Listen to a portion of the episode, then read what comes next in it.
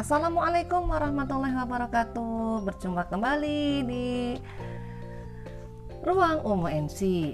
Nah, kali ini kita akan membicarakan kaitannya dengan bawang putih. Jadi memang e, karena akhir-akhir ini e, apa jenis herbal itu e, apa ya banyak mulai diburu orang. Salah satunya itu adalah bawang putih. Nah, ini tapi kita juga tidak bisa ya sembarangan kemudian mengkonsumsi satu jenis bahan makanan tertentu e, tanpa kemudian kita mengetahui apa, e, pantangannya, boleh tidaknya, terus bagaimana cara menggunakannya atau me, me, apa mengkonsumsinya. Maka di sini tentu e, apa kita harus berhati-hati. Nah, ini yang kita akan kita bahas kali ini itu adalah bawang putih.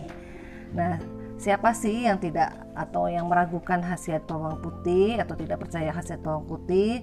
Di setiap dapur rumah pasti ada bawang putih yang selalu disimpan. Bawang putih tak cuma sekedar jadi bahan makanan saja.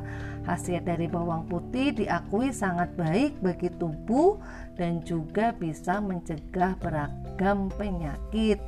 Tidak hanya dikonsumsi saat diolah saja, bawang putih juga berhasiat saat dikonsumsi mentah-mentah loh. Tapi memang rasanya agak apa ya istilah kalau saya itu mengenalnya aur gitu ya agak aur di lidah gitu ya.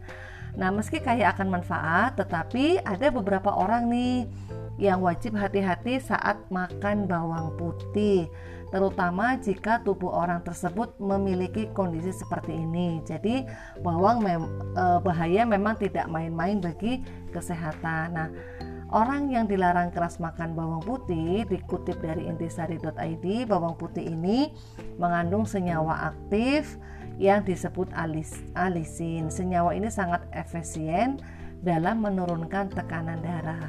Para medis sepakat bahwa bawang putih membantu relaksasi pembuluh darah dengan mencegah terbentuknya hormon yang dikenal sebagai angiotensin 2. Selain itu, bawang putih juga sangat bermanfaat dan efisien untuk mengendalikan kolesterol LDL. Bawang putih menambahkan rasa yang luar biasa pada makanan, tapi juga sangat bermanfaat sebagai obat kesehatan alami. Dokter mengatakan bahwa bawang putih adalah salah satu makanan penguat kekebalan tubuh yang terbaik yang bisa ditemukan di toko bahan makanan. Menurut penelitian terbaru, orang yang mengonsumsi bawang putih setiap hari dapat mengurangi kemungkinan terkena flu dan pilek hingga 63%. Banyak orang yang menyiapkan minyak bawang putih dan minyak alami ini memiliki kemampuan untuk mempercepat pengobatan infeksi telinga. Nah, penting diperhatikan, mengonsumsi bawang putih mentah dapat menyebabkan mulas, mual, bau mulut, dan badan yang tidak diinginkan. Selain itu, terlalu banyak mengonsumsi bawang putih bisa menyebabkan sariawan pada mulut. Terlepas dari semua manfaat yang dimiliki bawang putih, bawang putih pun bisa berbahaya. Bawang putih ini adalah antikoagulan alami. Dengan bahasa lain, sangat baik untuk mengobati masalah sirkulasi darah berkat kemampuannya untuk membuat darah lebih cair yaitu peningkatan fluiditas darah mencegah gumpalan darah, serangan jantung, stroke, trombosis dan lain-lain. Jadi, jika Anda sedang mengonsumsi obat antikoagulan dan makan bawang putih, dapat menyebabkan terlalu banyak fluiditas dan selanjutnya menyebabkan pendarahan yang berlebihan.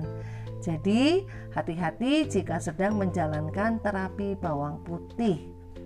Nah, kombinasi bawang putih dan lemon ternyata bisa jadi obat alami yang ampuh melawan banyak penyakit atau banyak masalah kesehatan terutama masalah kardiovaskular seperti kolesterol tinggi, arteri tersumbat, trigliserida tinggi, dan sirkulasi darah yang buruk.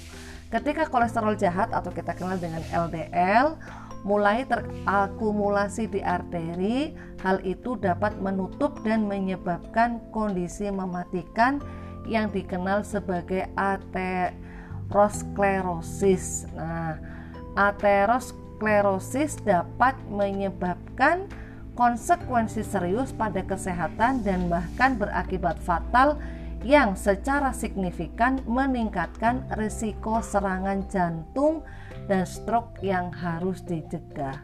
Untungnya lemon dan bawang putih bisa membantunya. Nah, apa saja nih yang bisa kita siapkan ya untuk membuat e, ramuannya?